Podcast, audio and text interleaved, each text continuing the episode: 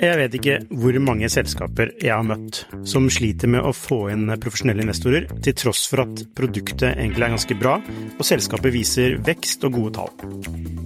Hvis det er én ting de proffe investorene er på utkikk etter, i tillegg til at du bygger et bra selskap, selvfølgelig, er hvordan du håndterer dine aksjonærer, eller ditt såkalte cap table, som det heter på startupsk. Et ødelagt cap table setter rett og slett en stopper for selskapsutvikling. Unlisted.ai gjør det mulig for selskaper å håndtere aksje- og opsjonsprogrammer, aksjeeierboken, captable og det meste av rettigheter inn mot aksjene i selskapet på ett sted. Prøv unlisted.ai sin gratisversjon i dag.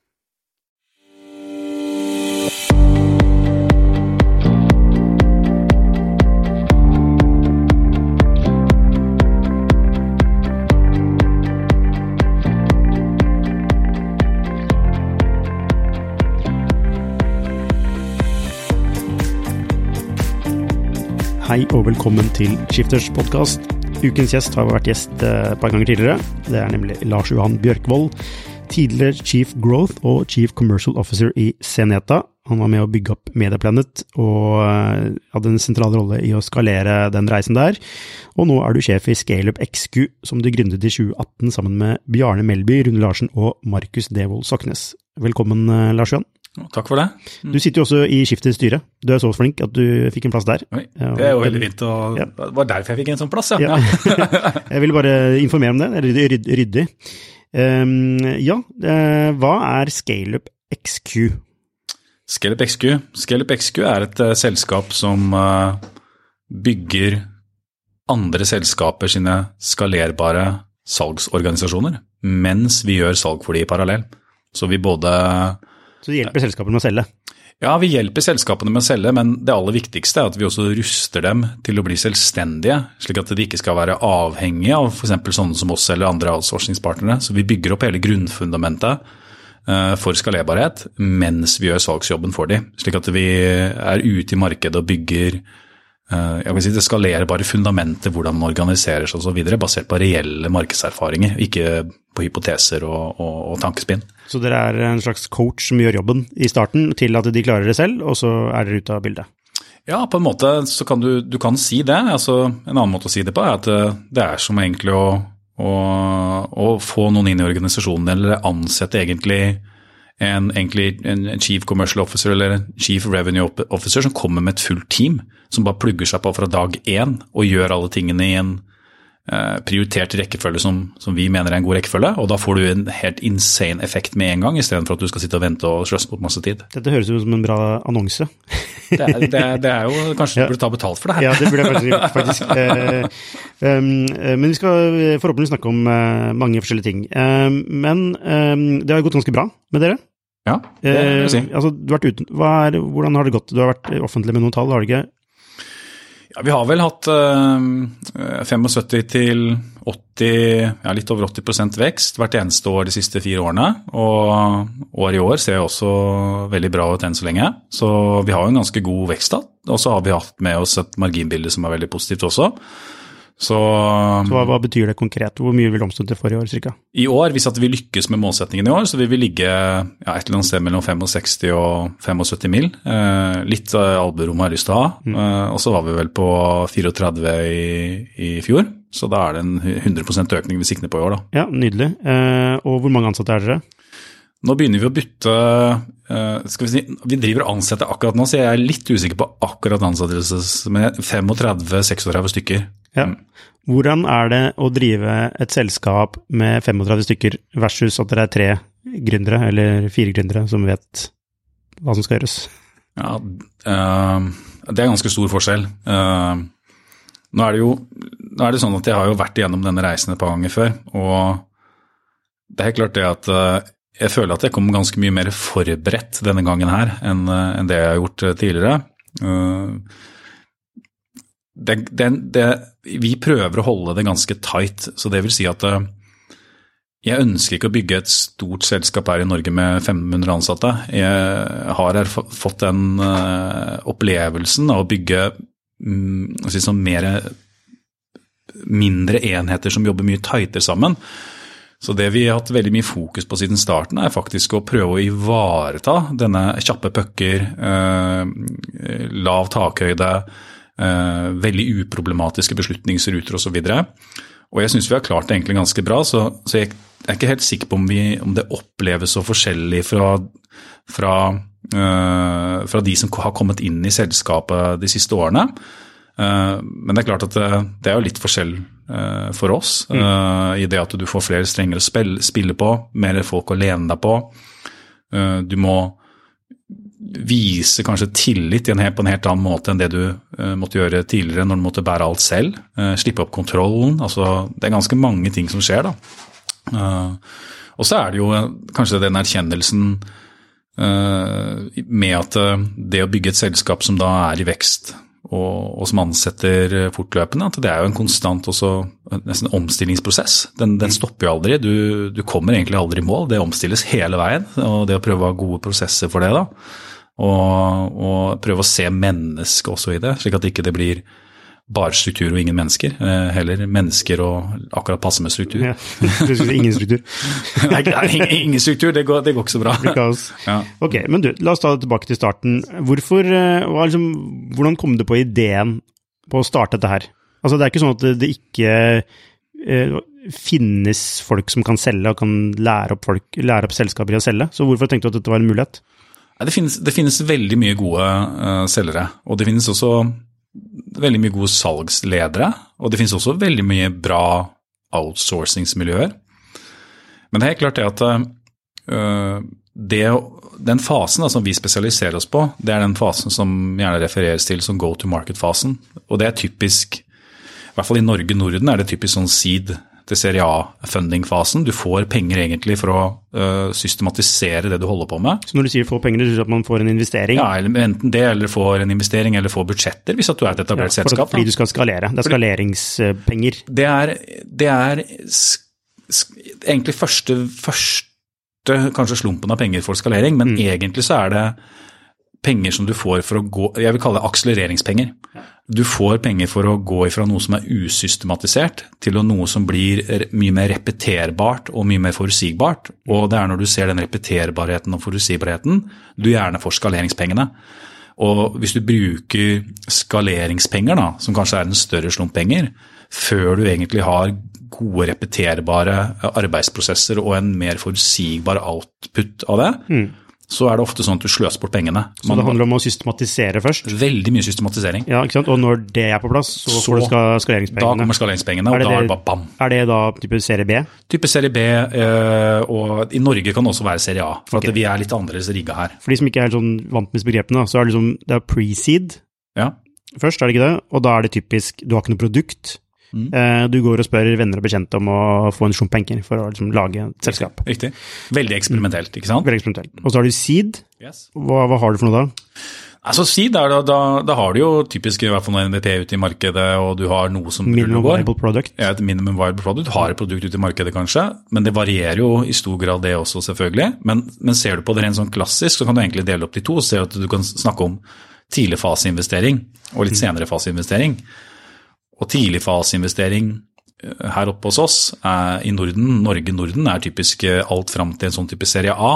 Mm. Uh, mens en tidligfaseinvestering i andre markeder kan kanskje vare litt lenger. Da. Uh, og, men, det er først i, men i seed-fasen hos oss så er det typisk de, det er liksom go to market-penger. Mm. Uh, og det er da du skal egentlig ut og teste produktet ditt ordentlig og få akselerasjon på, på kundesiden. Slik at du skal få mest mulig verifikasjonspunkt på at dette er skalerbart. Hva er den typiske eh, sum man henter av? Nei, det, det, er veldig stor variasjon på. Det er veldig vanskelig å si. For I Norge så er vi også sånn at vi, vi, vi, har, vi, har, en tradisjon for å hente litt lite penger kanskje i, i, den fasen. Så vi får ikke prøvd ut ordentlig. Stikker du til USA, så kan du få fryktelig mye penger i den fasen. Hva vil du si er normalt i Norge, da? Normalt i Norge. Sånn fem, mellom fem og ti millioner? Jeg vil, jo helst at, jeg vil helst si at alle som gikk i seed i Norge burde hente 10-20-30 millioner i seeden sin, mm. men det er jo ikke re reelt. Så kanskje mellom, mellom 5 og 15 er typisk i Norge, da. Ja. Ja. Ok, og da er fortsatt ikke dere, er fortsatt ikke dere inne. Eh, Nei, ikke, ikke, som oftest ikke. Vi kan, komme, vi kan, gjerne komme inn i akkurat idet man er ute og liksom uh, gjør denne fasen ferdig. Ja, da skal det, man bevise såkalt product market fit? Du skal i hvert fall bevise at det er en, eh, en viss traction som kan skapes. altså mm. Diskusjon rundt hva som er en product market fit og ikke. Det kan vi sitte og snakke om lenge, tror jeg. Ja. Men jeg er nok ikke helt overbevist om at du har en product market fit før du er virkelig skalerer ut i markedet. Mm.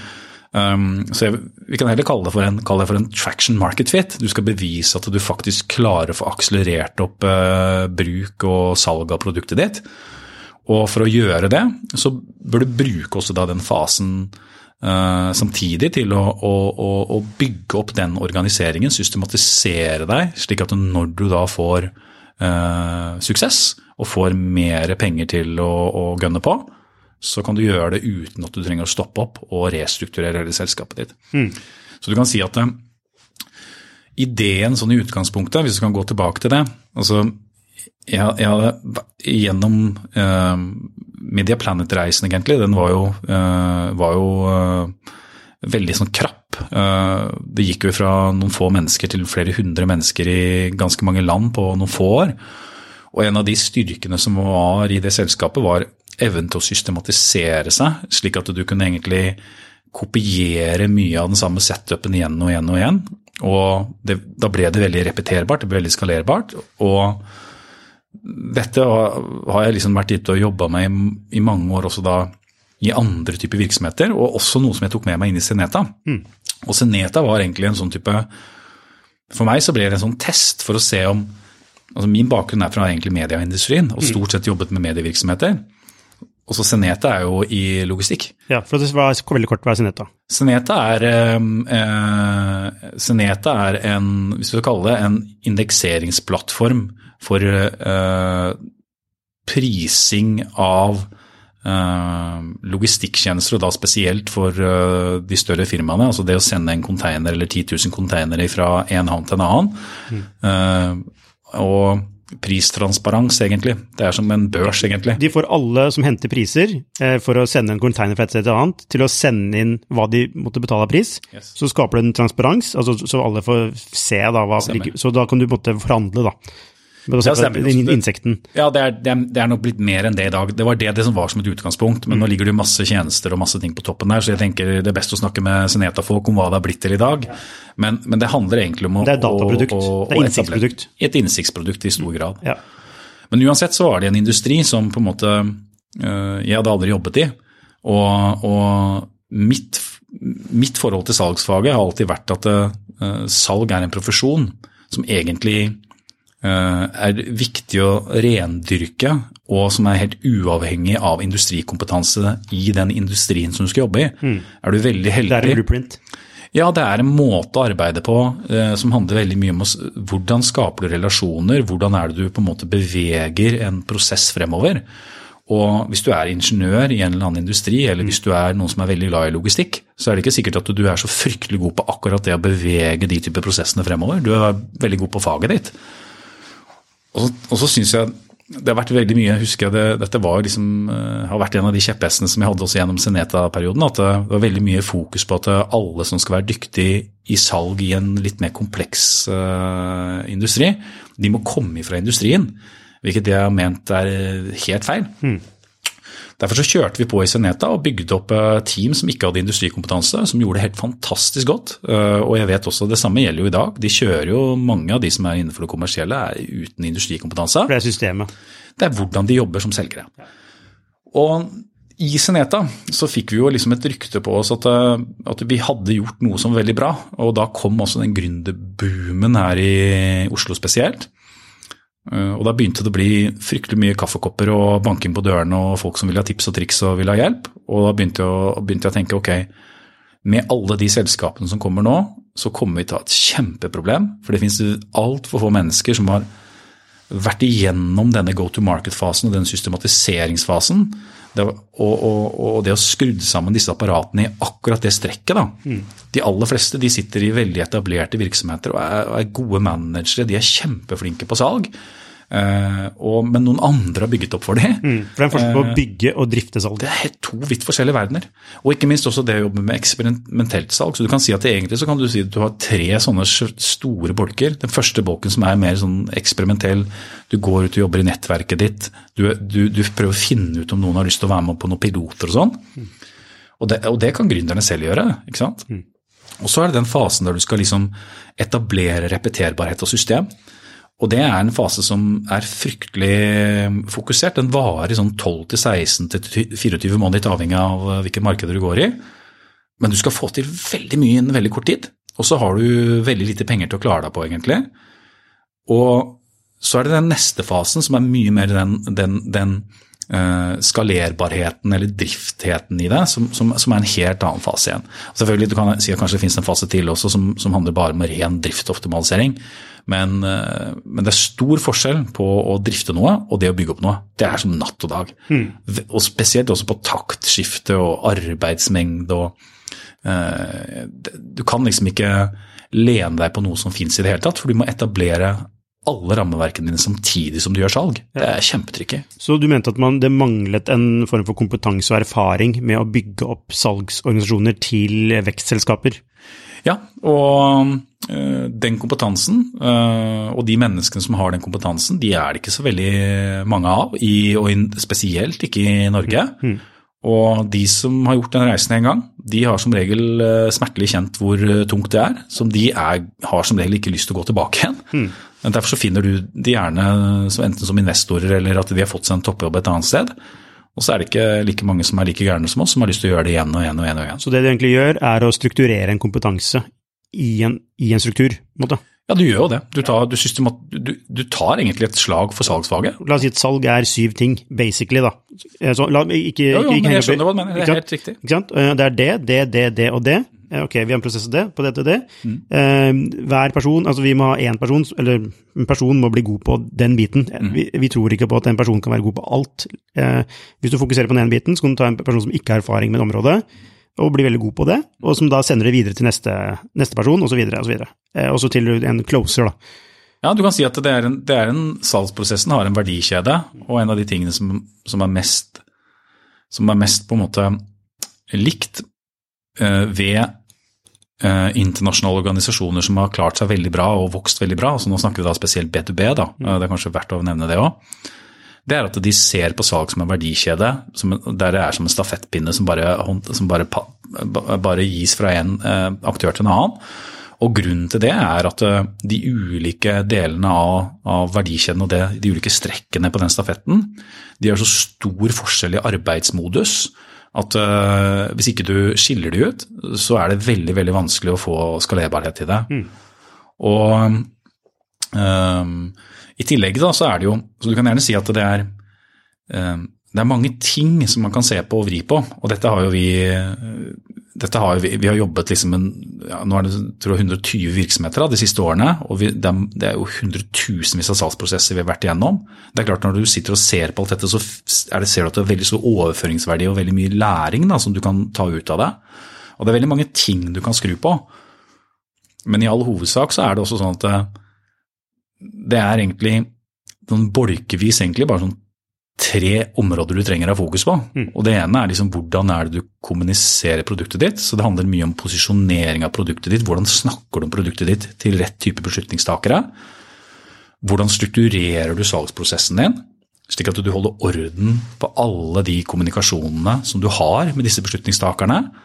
Og hvordan er det du strukturerer arbeidshverdagen din, slik at du passer på at du klarer å holde et konstant godt aktivitetsnivå i denne prosessen imot nok beslutningstakere. Mm.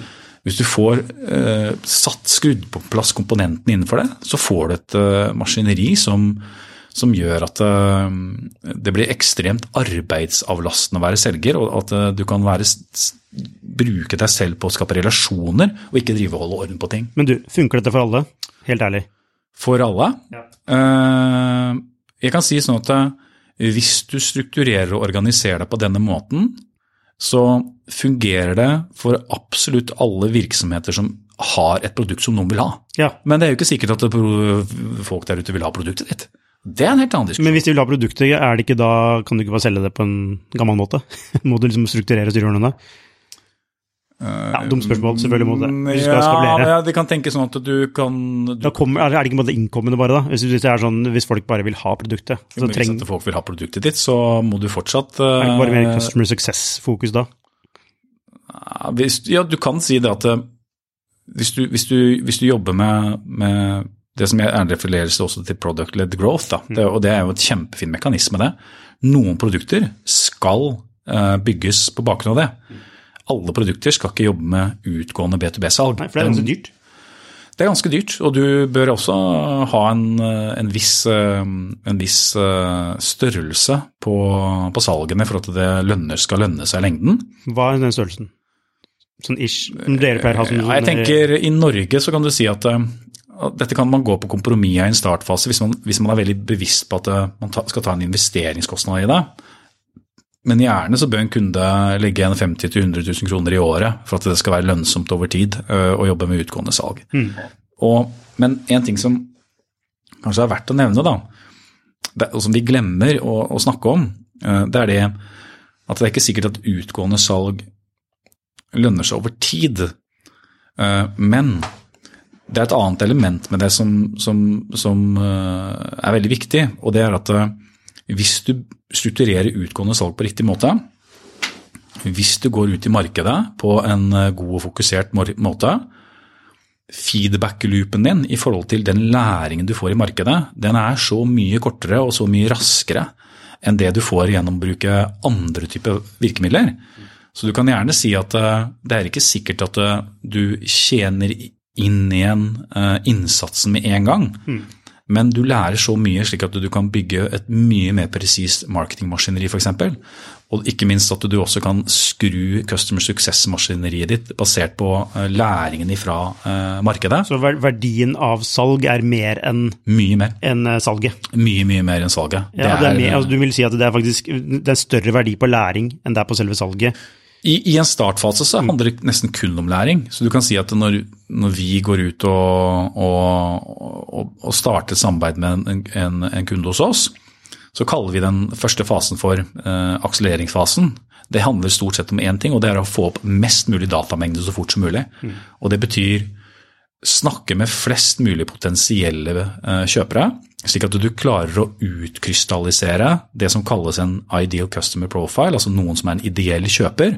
Og det mener vi at det gjør man gjennom å prate med folk, ikke gjennom å lage en hypotese i forkant som ikke du vet noen ting om. Nei, så da er det en, det må være en strukturert måte da, Veldig strukturert. å snakke med folk på, ut, hvor du faktisk nesten spør om atferden deres. Ja, du dokumenterer atferden egentlig, eh, og så leter du i mye større grad etter uh, kunder som er uh, klare for å kjøpe det du har nå, mm. istedenfor å forsøke å selge produktet ditt til alle kundene som du har lyst på. Og når du gjør det, så mapper du til alle de også som ikke på en måte er klare for deg. Og her kommer jo denne systematiseringen inn. da. Det handler, ikke egentlig- du, ikke om salg, det handler om å finne produktet sitt. Finne produktforslaget.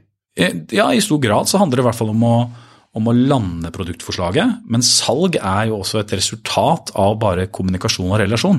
Eh, Så, så det å ha fokus på å prøve å selge, det er som regel veldig destruktivt. Så fokus er på om det er en match eller ikke. Yes. Og hvis det er nok av folk som er relativt like som har en match, så ser du at dette er en øh, ideal customer profile. Du skaper mønstrene mens du er ute i markedet. Og, så du kan si at eh, vi søker etter mønstergjenkjenningen. Og dette er også en ting som jeg tenker at eh, folk eh, flest og selskaper flest burde være flinkere på. Altså Hvis du har CRM-systemet din satt opp på en god måte, hvis du mapper alle, alle typer eh, datapunkter som er viktige for deg, da, så vil du begynne å se mønstergjenkjenning ganske fort. Mye fortere enn det du tror. Og da kan du begynne å vri fokuset ditt til å følge det som er positivt for virksomheten din. Men det er jo ikke det man ofte gjør. Man holder for lenge ut i det som er negativt. Så det er jo lean startup, øh, egentlig, Dette er veldig lean. øh, i, øh, på salg, da. Men Det er- hvor du bruker salg for, å, for data for å bygge et verdiforslag Fryktelig lean. mot riktig person. Og når du sitter og ser på Når du sitter og Lean Altså- scale-up, lean sa- sale-up. altså Når Lean Startup-boka kom, så er det sånn det, det, altså dette tenker jeg at veldig mange har tenkt det sånn som meg. Dette er jo det vi har gjort hele tiden. Her er det bare noen som har prøvd å beskrive noe som man naturlig gjør når du bygger en hurtigvoksende selskap om å ta beslutninger fort. Mens når du skal gjøre dette innenfor salg, så er du nødt til å strukturere deg ganske så godt. Men også så jeg tror jeg det er viktig å si da, til de som eventuelt lytter og skal ut og bygge salg for første gang. Det er ikke dette er ikke noen sånn over-engineering-bit. Det er ikke sånn at du skal ut og, og, og kjøpe deg en full-fledged Salesforce-oppsett og, og, bruke hundretusenvis på, eller millioner på å få skrudd det sammen. Liksom. Det, det, skal ikke så mye til for å begynne å fange det som er viktig. Mm. Men når du begynner å fange det som er viktig, så kan du begynne faktisk å sitte og se på disse tingene hver dag eller flere ganger i uken. Og du får gode, eh, et godt eh, grunnlag for å gjøre beslutninger. Så vi snur oss eh, rundt på en femøring når vi jobber med våre kunder. Hvis vi ser at eh, her er det noe som fungerer bedre enn annet, mm. så dropper vi det som ikke fungerer så bra, og så følger vi det som fungerer veldig bra, og så mater vi der, og det må du kunne gjøre på en fem. Kan du, kan du putte hvilken som helst eh, noldus inn i en struktur, og det vil funke ganske bra? Eller må, liksom, må det, det sånn, må personene være ha en viss uh, cleverness, da? Altså det, vi, vi jobber Mennesket for oss er veldig viktig. altså så Vi bruker å si at vi er, vi er human power tech enabled, og, og, og, det står vi for. Altså Vi bruker teknologi for å styrke mennesket mm. uh, istedenfor å prøve å erstatte mennesket. Men skal vi styrke mennesket, så må vi jo være veldig eh, obs på hva slags type mennesker vi jobber med. Og når vi jobber med å utvikle selgere, uh, så handler mye mer om mennesketypen enn det handler om kompetanse og bakgrunn. Så vi har jo folk hos oss som har alt fra eh, altså ingen utdannelse. Folk som eh, kommer med bakgrunn fra å være kokk, eh, og folk som kommer med bakgrunn fra master i business osv. Og, så og jeg vil si at alle disse performer helt eksepsjonelt innenfor sine felter.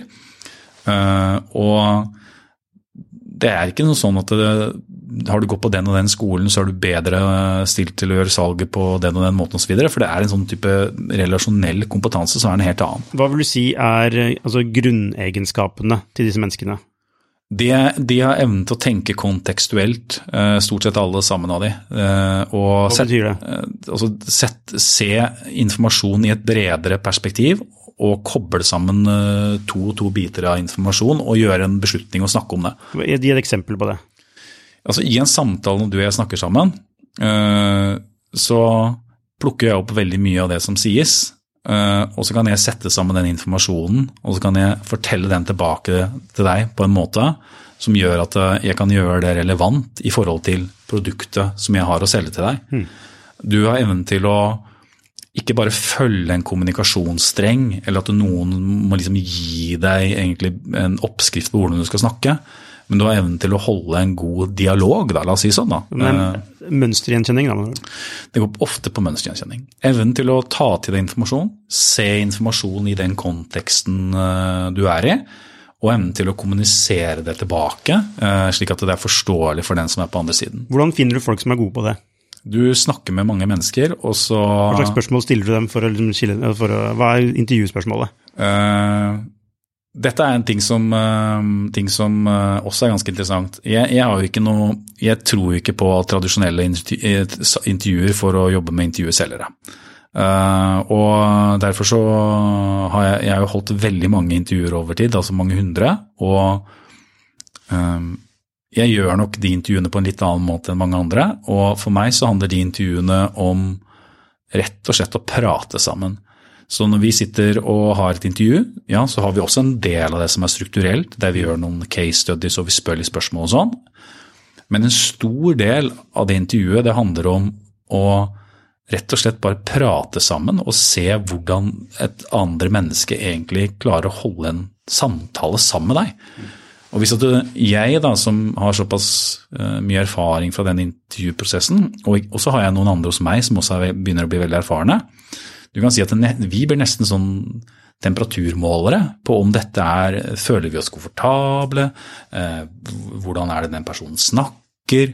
Uh, hvordan er det de, de framtoningen er, osv. Og, så og det, er litt, det, er, det er mer en sånn subjektiv sak. Og så skal settes- dette, da? Ja, for oss gjør det jo det. Eh, Men, eh, men eh, og, Blir ikke du da en propp i rekrutteringsprosessen? Jo, men jeg er ikke jeg er ikke en del av andre, alle rekrutteringsprosesser nå. Nei. Uh, og så skal vi, jo, skal vi jo teste litt nå, da. Vi, vi har jo vært veldig aktive, og dette er jo en del av liksom vårt verdiforslag. Det er jo at, at det selskapene vi jobber med, de skal egentlig bli uavhengige av oss så fort som mulig. Og vi hjelper gjerne også til å støtte i rekrutteringsprosessen osv., bare for at det, og omborder de som, som blir rekruttert. Men tilbake til, sorry at jeg avbryter, for det, tilbake til, Ja, ja, ja. det høres, høres ikke så skaleringsvennlig ut at det er, sitter en person med erfaring eh, og subjektivt vurderer altså potensielle kandidater. Så hvordan, Yes. hvordan strukturerer det på en måte? Jo, men eh, det er jo det er, Når vi jobber med mennesker, så er det jo, så er det jo slik at eh, Det er jo den måten som vi må jobbe med mennesker på. Jeg, jeg mener jo også det at eh, personlighetstester, f.eks., Mm. de er ikke så godt egnet til å finne ut hvem som er gode selgere eller ikke. da. Eh, og nå skal ikke jeg røpe så veldig mye om fremtiden, men, men vi jobber veldig mye med å mappe ut disse tingene selv, slik at vi ønsker å finne en måte som er litt mer skalerbar på. Men enn så lenge så er det beste alternativet det er å bruke, det er å bruke mennesker som indikator, i kombinasjon med andre ting. Er det litt sånn, Ser du til den følelsen ville jeg kjøpt av ham eller henne? Klarer de å skape tillit i en diskusjon Altså i en, i en Siri. Ja. Eh, klarer de å skape en tillit, eh, en, en, trygg, eh, altså, disk, altså en trygg samtale som gjør at jeg måtte, ja, er det, er, det, er det sånne ting, altså evnen til å holde en samtale, du var litt inne på det, evnen til å holde en samtale. Ja, jeg, jeg ser nok mye mer på hvordan, hvordan du holder en samtale, og når vi snakker sammen, hvordan klarer du å fortsette å snakke om tematikken vi snakker om, selv om vi snakker bare om eh, noe som er helt utenfor denne jobbsituasjonen. Hvordan er det du er evnen til å ta den kommunikasjonen videre, spille på det som jeg har sagt, slik at jeg blir involvert i dialogen og har lyst til å spille tilbake til deg, og på den måten så vokser samtalen. Fordi dette er en refleksjon av møtet mellom selger og kunde. Du kan gjerne si det. Uh, og jeg, jeg bruker å si at det er, det er evnen til å skape en, jeg kan si, en personkjemisk connection. connection. For, for hvis, ikke du gjør, hvis ikke du klarer det, så kommer du ikke til å klare det i en salgssituasjon heller. Nei, og det finner du ikke på, altså, i eh, vitnemålene til folk. Nei, du gjør ikke det. Og du finner det heller ikke i noen særlig grad, dessverre, i alle disse personlighetstester sånn som finnes der ute. Uh, så derfor så uh, må, må I hvert fall ikke som meg bekjent, da. Mm. og derfor så bruker vi mye tid på det. Og dette er jo en ting som de som har jobbet mye med salg og rekruttering, og oppbygging av salgsorganisasjoner, jeg tror de aller fleste kan skrive under på at det er å få rett folk, og så gi de folkene den beste forutsetningen til å lykkes, altså det vil si gode, gode forutsetninger for å gjøre jobben sin. Men rekruttering er kanskje viktigere i, i salg enn, enn i veldig, veldig, veldig mange andre uh, yrker, der man kan måle uh, faglig dyktighet på en, uh, på en bedre måte enn det man kan gjøre, gjøre i salg. Hmm. Eh, det er interessant, um, og jeg lurer på dette med å uh, altså skalere Hvordan du skal skalere dette her til å altså, For det er veldig menneskesentrert, ja, og det er som du sier men, altså, Det er jo mennesker som menneske, Er det ikke sånn? Mennesker kjøper av mennesker?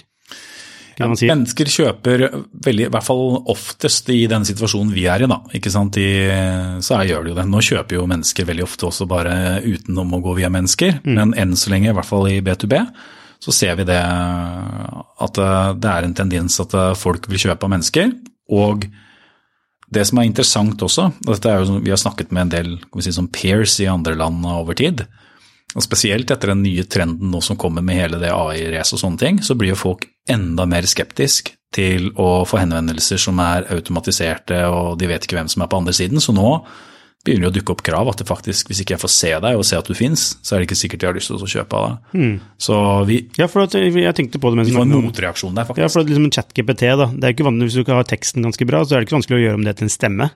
Nei, nei det, det, er mange, som, det er mange som, eh, som sitter og filer på det. Eh, Men eh, det som skjer da, er Eller jeg sier ikke at det kommer til å skje for alltid, men akkurat nå så skaper det enda mer usikkerhet i kjøpssituasjonen. Uh, slik at uh, det vi i hvert fall syns vi ser tendensen til, da, og det andre også i området vårt ser tendensen til, er at effekten av å gjøre da tradisjonelt arbeid fungerer enda bedre.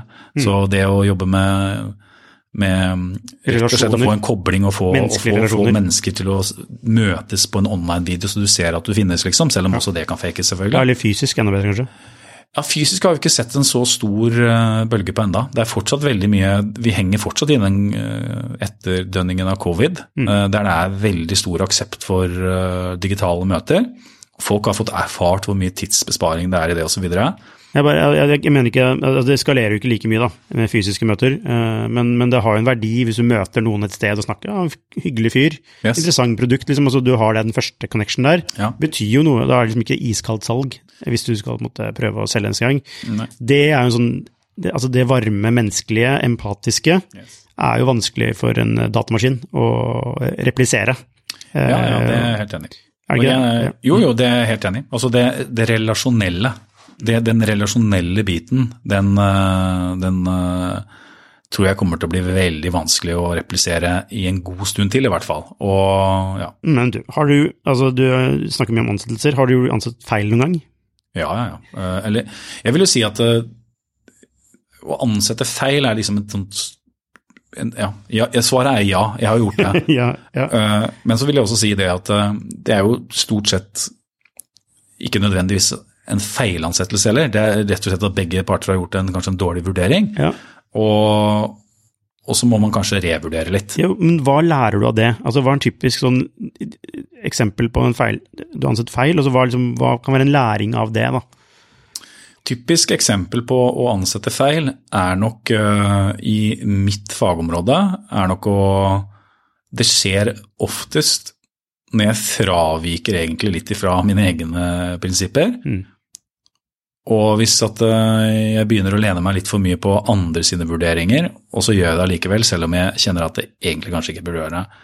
Og det, jeg har blitt veldig mye flinkere til det over tid, så jeg har egentlig en sånn tommefingerregel som jeg følger, og det er at hvis det er et lite fnugg av tvil, mm. så sier jeg alltid nei. Fordi, fordi nedsiden, øh, hvis det skulle være feil, den, den er såpass stor, da. Uh, og så kan det hende at man går glipp av en oppside nå og da, uh, men det kanskje er verdt, verdt å ta det nei-et. Mm. men det er jo det som uh, det er jo det som ofte har også Jeg vet ikke hvor mange selskaper jeg har møtt som sliter med å få inn profesjonelle investorer, til tross for at produktet egentlig er ganske bra, og selskapet viser vekst og gode tall. Hvis det er én ting de proffe investorene er på utkikk etter, i tillegg til at du bygger et bra selskap, selvfølgelig, er hvordan du håndterer dine aksjonærer, eller ditt såkalte cap table, som det heter på startupsk. Et ødelagt cap table setter rett og slett en stopper for selskapsutvikling. Unlisted.ai gjør det mulig for selskaper å håndtere aksje- og opsjonsprogrammer, aksjeeierboken, captable og det meste av rettigheter inn mot aksjene i selskapet på ett sted. Prøv unlisted.ai sin gratisversjon i dag. Ja, det er vist seg at å være den, eh, magefølelse. være den riktige tingen. Er, ja, kan, magefølelse er jo summen egentlig av all informasjonen du kanskje har. Det er jo ja, ja. din egen lille AI, ikke sant? Absolutt. Mm.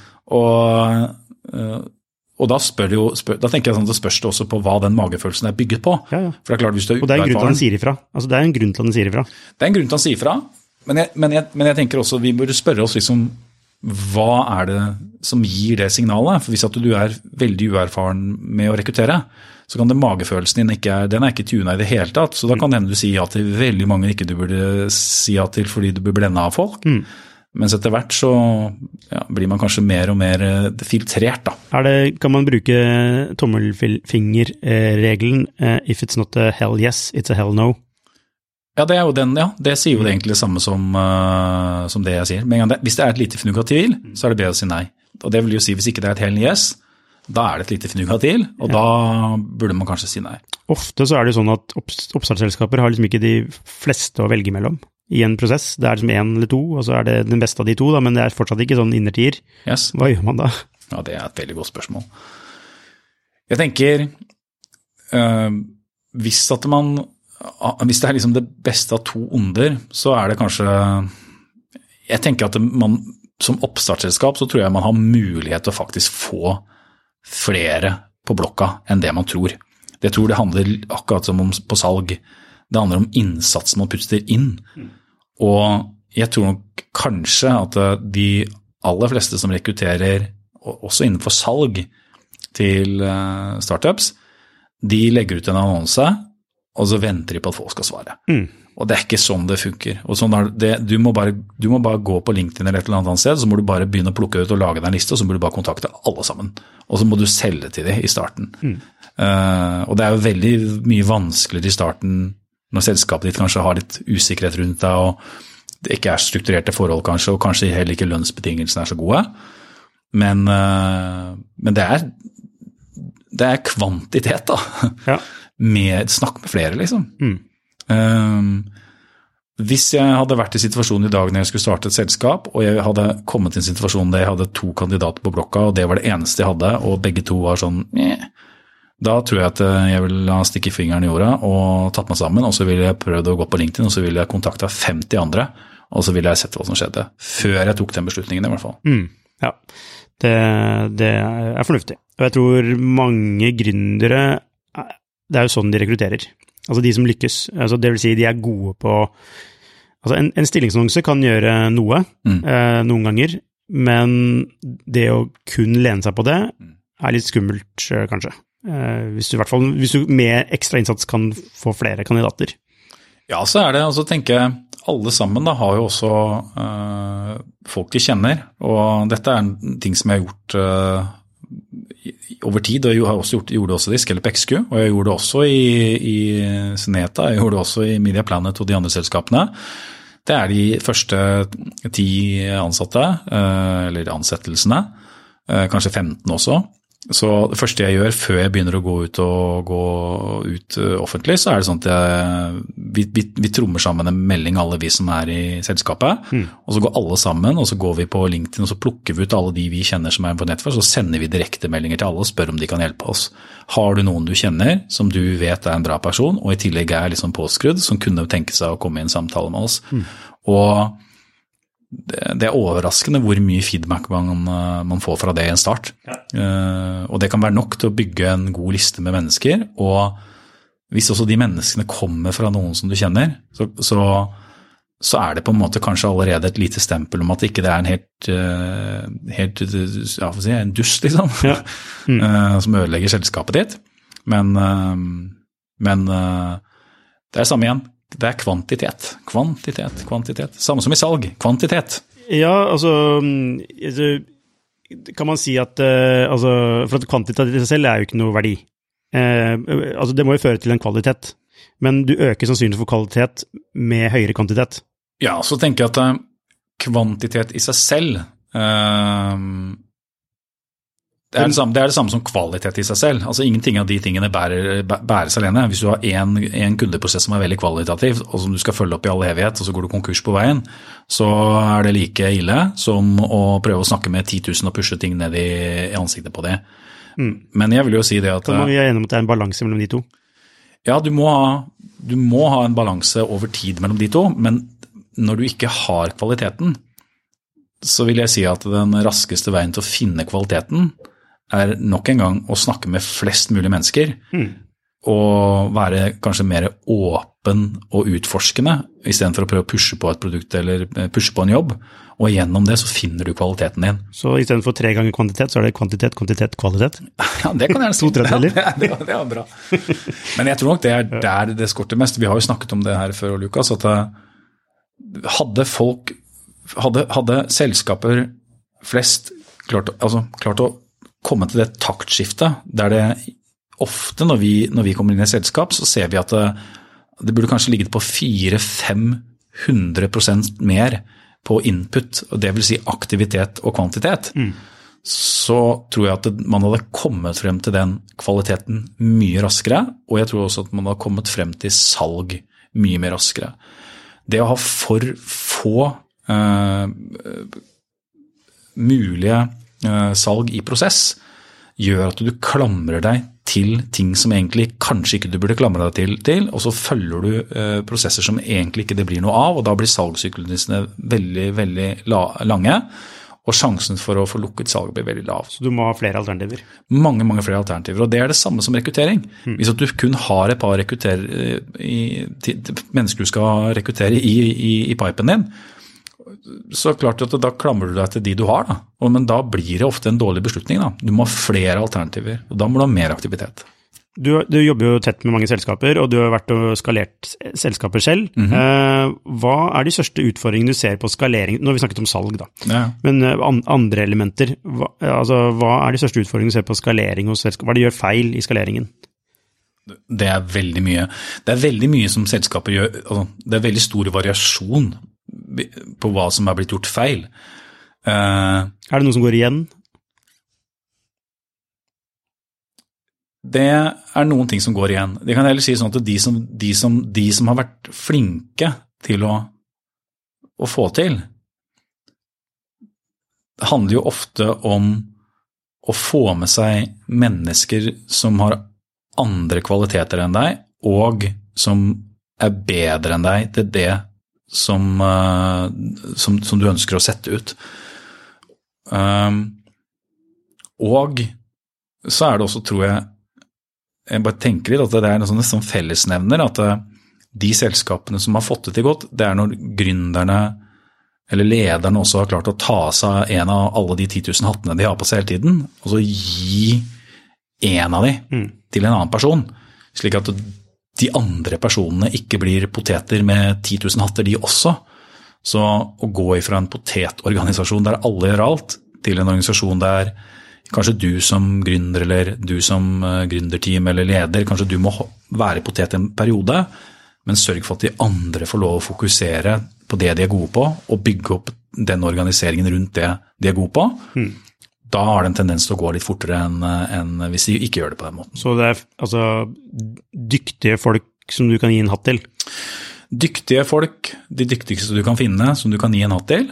Uh, og det, også er det jo ikke til igjen, da, det er jo de som bygger selskaper, er jo mennesker. Så, så jeg mener jo at mye av det som jeg har sett når jeg er ute hos de selskapene, det handler om ufordelaktig organisering. Det kan hende at det faktisk er skikkelig flinke folk også som jobber i selskapene, men de får liksom ikke uh, rett albuerom eller uh, rett grobunn til å lykkes. Uh, og ufordelaktig organisering til det steget du er i nå. Kanskje man er i et tidlig steg og så overorganiserer meg sånn, sånn som at det skulle vært et, en skikkelig stor virksomhet. Eller at man er i et litt senere steg, men så har man en underorganisering. Hvordan vet man hva som er riktig organisering? Da tenker jeg at det aller aller beste er, eh, hvis ikke du har en god finger på pulsen på det selv og har den erfaringen selv, er nok kanskje å få hjelp, for å være ærlig. Eh, ha med deg et, eh, prøve å få med deg et, et kanskje litt erfarent styre som, til den fasen du er som kan hjelpe deg eller faktisk leie inn eh, rådgivere. Og Det har jeg gjort eh, både i Scalep XQ mm. og i Seneta og i andre selskaper som jeg har vært igjennom. Hatt med organisasjonsrådgivere. Er det da rådgivere som har vært igjennom det?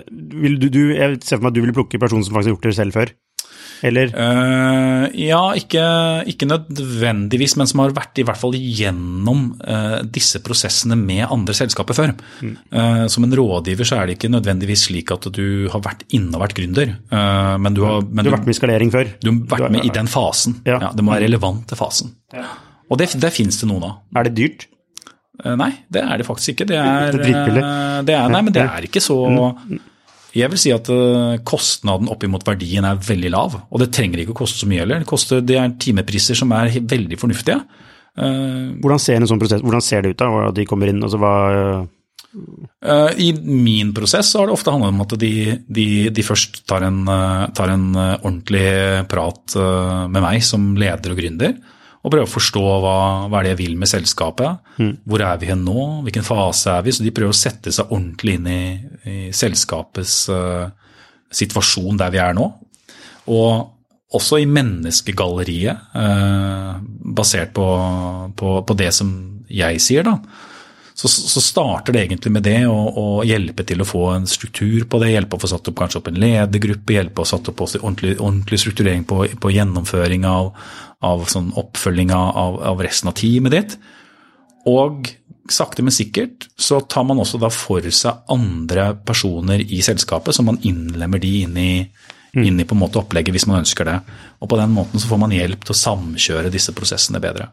Um, men det varierer litt i omfang fra Og det er masse forskjellige måter å gjøre det på. Ja, har det hjulpet, men hvordan har det hjulpet deg?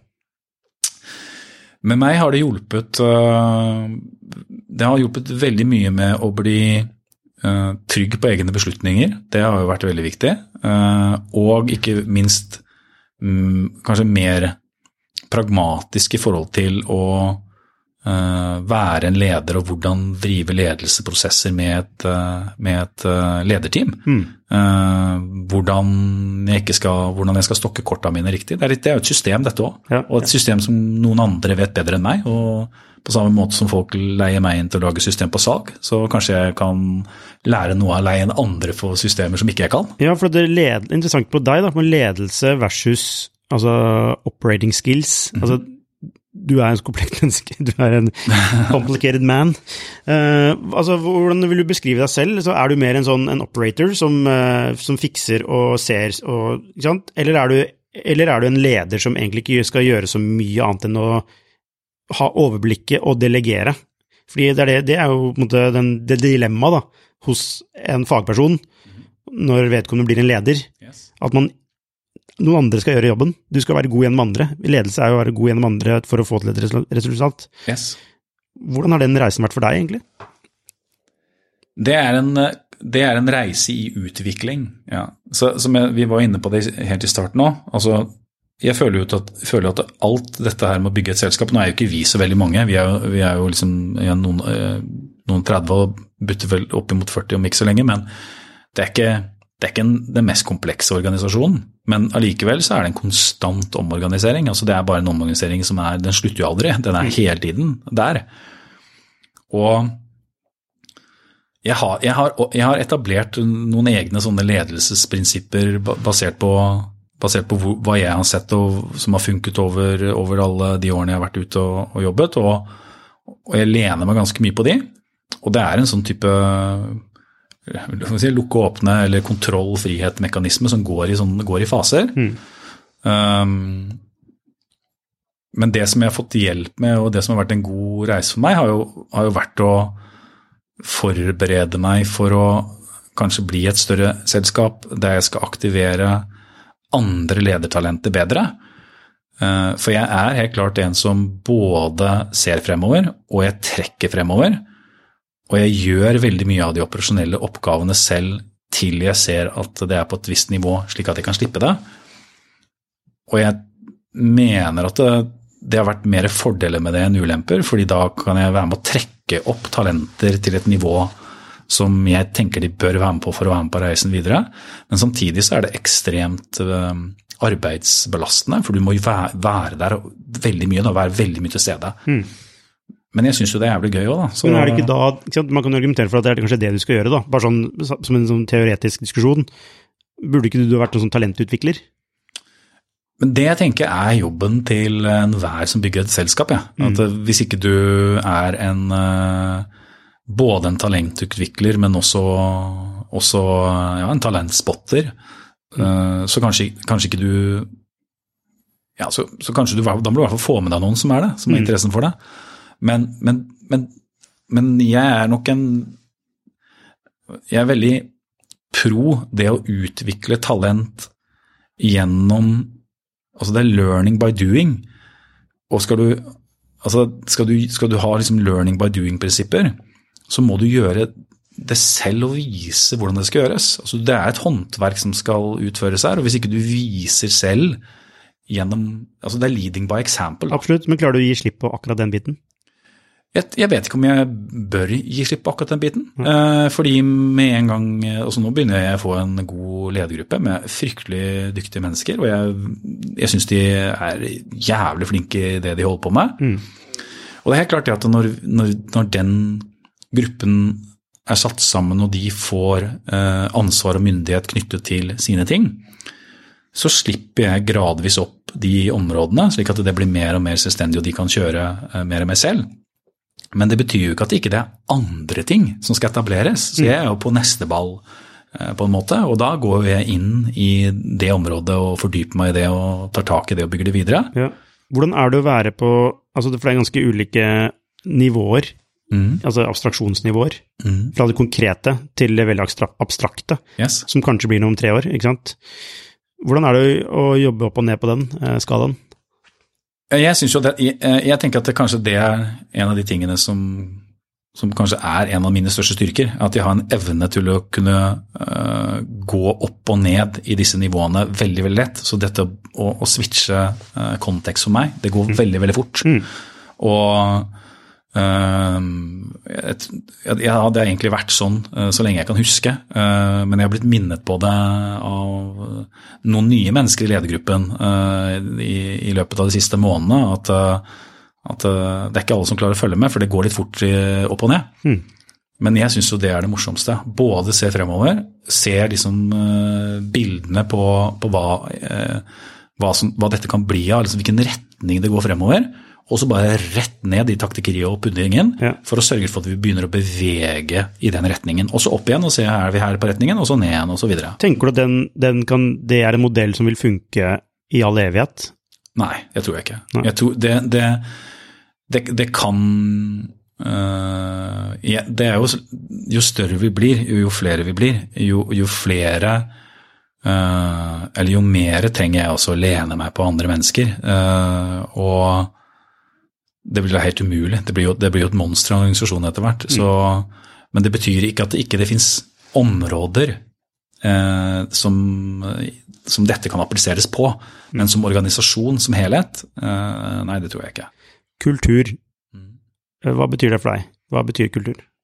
Kultur er noe man får, ikke noe man klarer til å Lage. skape. Nei, du mener det? Ja, jeg mener Det er Kultur- kontroversielt. Jeg mener at kultur er noe du får gjennom at du samler en viss type mennesker og etablerer en viss type måte å jobbe på, og så tilrettelegger du Etablere en viss type måte å jobbe på, er å skape Ja. noe. Ja, men da skaper du et, et, jeg si et, arbeidsdomene, eller hvis vi jobber sammen på salg, sånn som det vi gjør, f.eks., Mm. så den måten å systematisere oss på å jobbe på, så, så, så, så kommer det et mindset ut av det etter hvert. Det å prøve å etablere et mindset, kontra det å la folk få lov å jobbe på en viss måte, og så får de et mindset. Men da vil jeg si at du faktisk mener at man kan skape kultur ved å etablere Ja, du, kan, måten å du, jobbe kan, på. du kan fasilitere for det, vil jeg si. Ja. Men, men, jeg, men det jeg mener med å ikke at kultur er noe du får, Mm. uh, det er jeg, har, jeg, jeg ser nok litt for ofte at uh, man ønsker å planlegge for kultur. Ja, Og, og, og, ut ifra at man sier at i, vår, i vårt firma skal, så er vi sånn og sånn og gjør sånn og sånn. ja. Det begynner ikke, på, det begynner ikke med å, kultur, det begynner med struktur. Ja, du kan gjerne si det sånn. Du begynner liksom ikke med å, med å Det er jo liksom som å lage en yoghurt, liksom. Altså Du må først liksom tilsette noen melkesyrebakterier, liksom, og så begynner dette her å gå seg til etter hvert av seg selv, og så får du yoghurt. Ja, og det er liksom sånn dråpevis tilsetning av eh, nye mennesker, eh, nye kompetanser, eh, og så har du noen ting selvfølgelig som er samlende, og så betyr ikke det at ikke det vil tilrettelegge for altså Det er jo rammer. altså Hos oss har vi jo for vi har all hands hver måned, så alle sammen skal få innsikt i hvordan selskapet vårt går. For vi ønsker å ha en åpen på en måte, dialog rundt ting og være transparente. ja. Det er jo en villet politikk som blir, eh, blir til en kultur det Det er påvirker kulturen, ja. Ja, mm. men det er ikke gjort uh, for å si at uh, hvis ikke du er åpen, så får du ikke lov å jobbe i selskapet vårt. Uh, det er mer for å fostre frem, da. Mm. Eh, og Derfor så er det sånn kultur er noe Derfor mener jeg at kultur er et resultat av å gjøre mange, mange ting. Mm. eh, og skru på mange, mange forskjellige typer brytere, og ikke noe som nødvendigvis du kan planlegge for som et design. Nei, ok. Så det, det, er, det er egentlig, du tenker at det er, sånn- det er sånn bottom, altså ikke bottom up, men at du, at kultur er et resultat av de aktivitetene man gjør. Ja, kultur er et resultat av det du putter inn i det. Ja, Mm. Og det kan være bra eller dårlig kultur, avhengig av hva du gjør på en andre siden. Masse ukultur, og det er masse giftig kultur. Så du har påvirkning på kultur, men du begynner ikke med Du, du, du lager ikke en kultur ved å si at vi skal være fremoverlente, vi skal være mm, smart Skjønner du? Altså, det er ikke sånn kultur bygges, det er bare et kulturdokument. Yes. det sier ingenting. Okay. Riktig. Så, så du, er, du mener at man kan faktisk påvirke kultur? Altså, Ja, man ja. kan, Men, du, men likevel så er det noe du får. ja. Så du, må, du, du, har, du har kontroll på inputen, Mm. Men du har, du har veldig lite kontroll på outputen. Hvor bevisst er dere på kultur, og bygge kultur? Uh, Eller er det mer ja. Nei, der kommer jeg tilbake til svaret. Vi, vi er veldig bevisst på hvilken type mennesker vi slipper inn i virksomheten vår. Og vi er veldig bevisst på hvordan vi ønsker å behandle menneskene i virksomheten vår. Og vi er veldig bevisst på hvordan vi ønsker å dele informasjon. Altså Vi har veldig mange sånne områder der vi har stor bevissthet. Og alle de områdene som legges sammen, det blir jo, resultatet av det blir, blir en kultur. Ja. Eh, Men jeg vil si at vi gjør ikke alle disse tingene fordi vi sier at vi skal ha en sånn og sånn type kultur. Eh, Det, da tror jeg at vi hadde fått en helt annen type kultur. ja.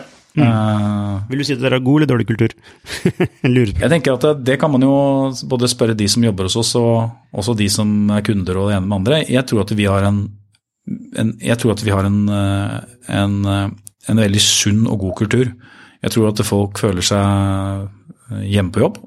Og kanskje det aller viktigste er for meg da, som leder, er at vi, når vi møter andre som vi har jobbet med, eller andre mennesker, så får vi alltid tilbakemelding, og det er veldig veldig sjelden jeg har fått noen annen tilbakemelding, om at eh, de menneskene som jobber hos oss, de er fryktelig inkluderende, fryktelig koselige. Det er alltid så morsomt å møte de utenfor jobb, på jobb, fordi at de er rause, fine folk. Ja. For det, det si at- strider jo litt mot den der generelle oppfatningen av selgere. Da. Altså salgskultur, spisse albuer, Yes. prestasjonsbasert. yes. Eh, Det er helt riktig. Og jeg tror jo ikke på, jeg tror ikke på den type salgskultur. Tror jeg er farget av menneskene som jobber i det. Og jeg tror ikke det er den bærekraftige måten å bygge eh, en god salgsorganisasjon på over tid. hvordan ser en god salgsorganisasjon ut over tid? da? Eh, altså folk som eh, er påskrudde, vi snakket jo litt om det, enten du har vært å kommunisere osv. Men så er salg i veldig stor grad et teamarbeid. Det handler om å, å hjelpe hverandre. Det er veldig mye teamarbeid. Derfor så må du være et menneske som har i hvert fall like stor interesse for andres suksess som din egen. Ja. Og Så det å, det å gi bonuser og insentivere enkeltpersoner, mener du er feil? Nei, det mener jeg ikke. Men, men eh, jeg mener at eh, det å insentivere enkeltpersoner og, og, og belønne enkeltpersoner trenger ikke nødvendigvis å gå på bekostning av hvordan du er som person. Jeg er fryktelig glad i å og Personlig så har jeg alltid vært veldig glad i kommisjons- og provisjonsmodeller. Men jeg tror nok at eh, de aller fleste oppfatter meg som en relativt ålreit person allikevel. Og jeg er nok ikke den typiske salgspersonen, men jeg er likevel veldig god på salg. Eh, og det er det vi ser hos oss også, at det er de som er, de som er veldig gode på salg, de er ikke de typiske salgspersonlighetene. Det er folk som er, det er fine folk, som får andre folk til å føle seg bra. De har en evne til å skape gode relasjoner mye lettere, og da får du også salg lettere. Og da får du jo kommisjonen din, da. Ja, for det, det avhenger jo litt av kanskje hva slags produkt du selger òg. Hvis du selger mobilabonnement, så er det én ting, ikke sant. Det er, mest sannsynlig har du aldri er det sånn engangsrelasjon, og det er veldig pris. Altså, ah, 100 kroner billigere i måneden, greit jeg kjører på, Ja, stemmer. ikke sant. Yes. Det betyr egentlig, altså det er bare egentlig et regnestykke. Yes. Mens uh, i større salg så må du ha mye større buy-in hos kunden, yes. fordi det innebærer kanskje organisasjonelle strukturendringer for å bruke produktet ditt, etc. Altså det er folk med onboard, altså det er en svær prosess. Nettopp. Eh, er det da slik, ikke sant? Der er du inne på noe fint, og det, der har du liksom Jeg vil si at du har på en måte Du kan klassifisere dette på flere måter, men det du peker på der, er det som, det som vi gjerne kaller for transaksjonelle salg, som er korte salgssykluser, og det er veldig få på en måte touchpunkter, og du skal egentlig bare få salget close så fort som mulig. Og så og så har de gjerne også en lav verdi, egentlig, sånn salgsmessig.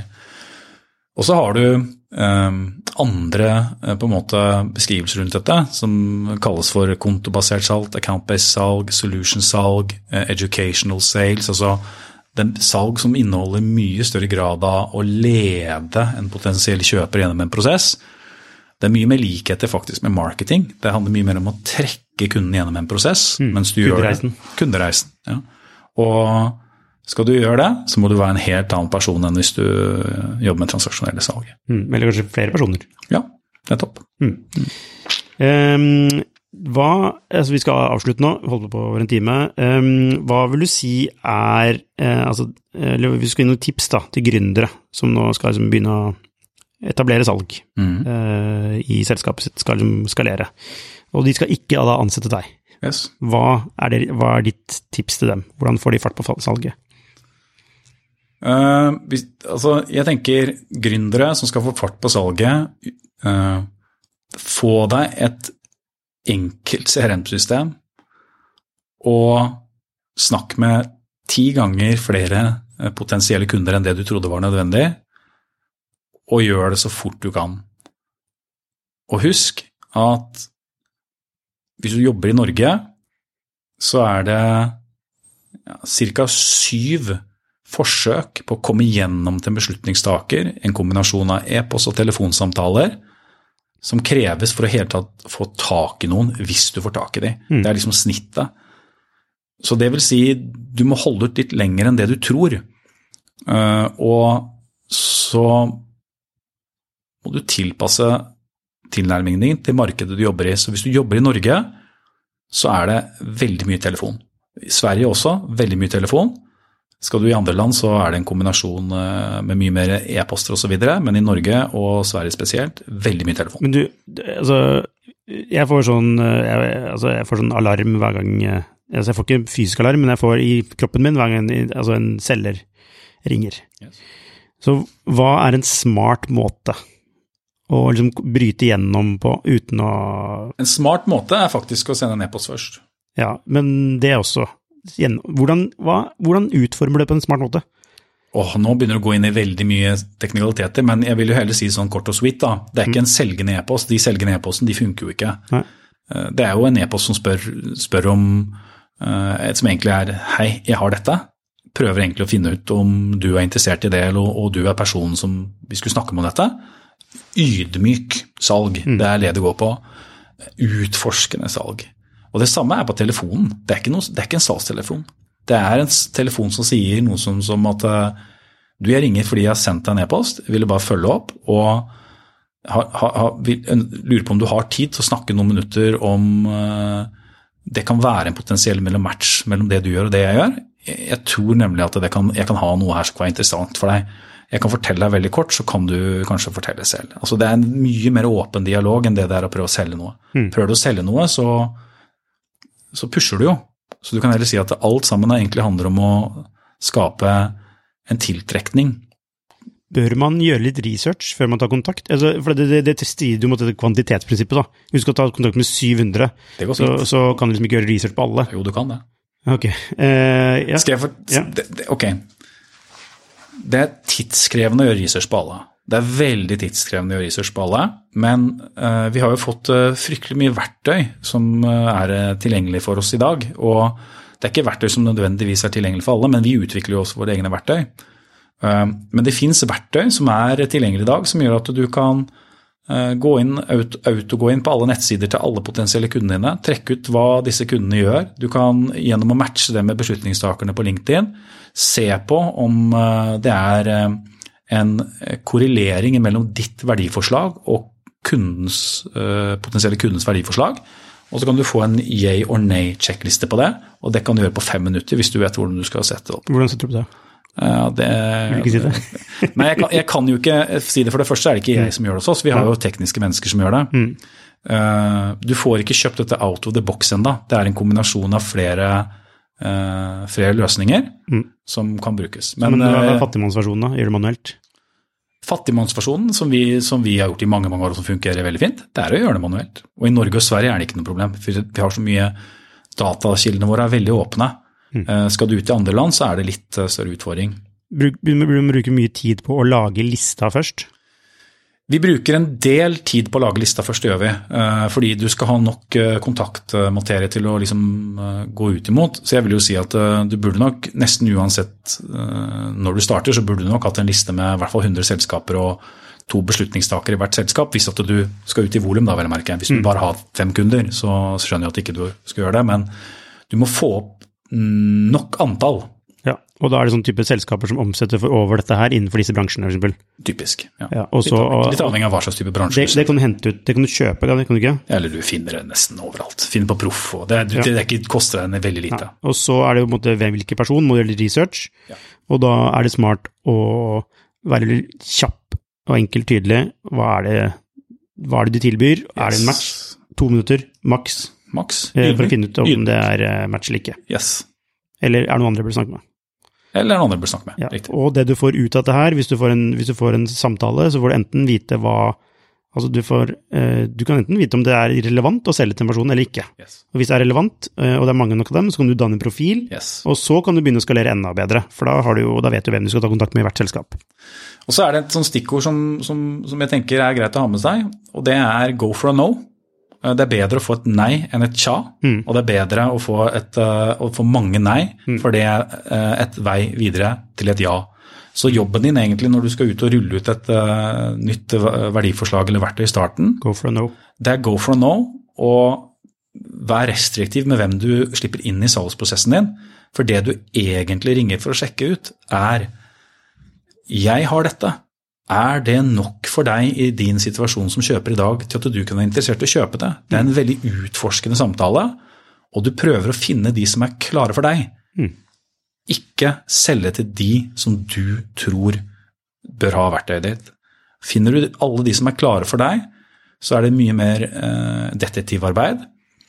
Og det er kanskje 1-2-3 av den totale beslutningstakere og selskaper i markedet der ute som er klare for deg nå.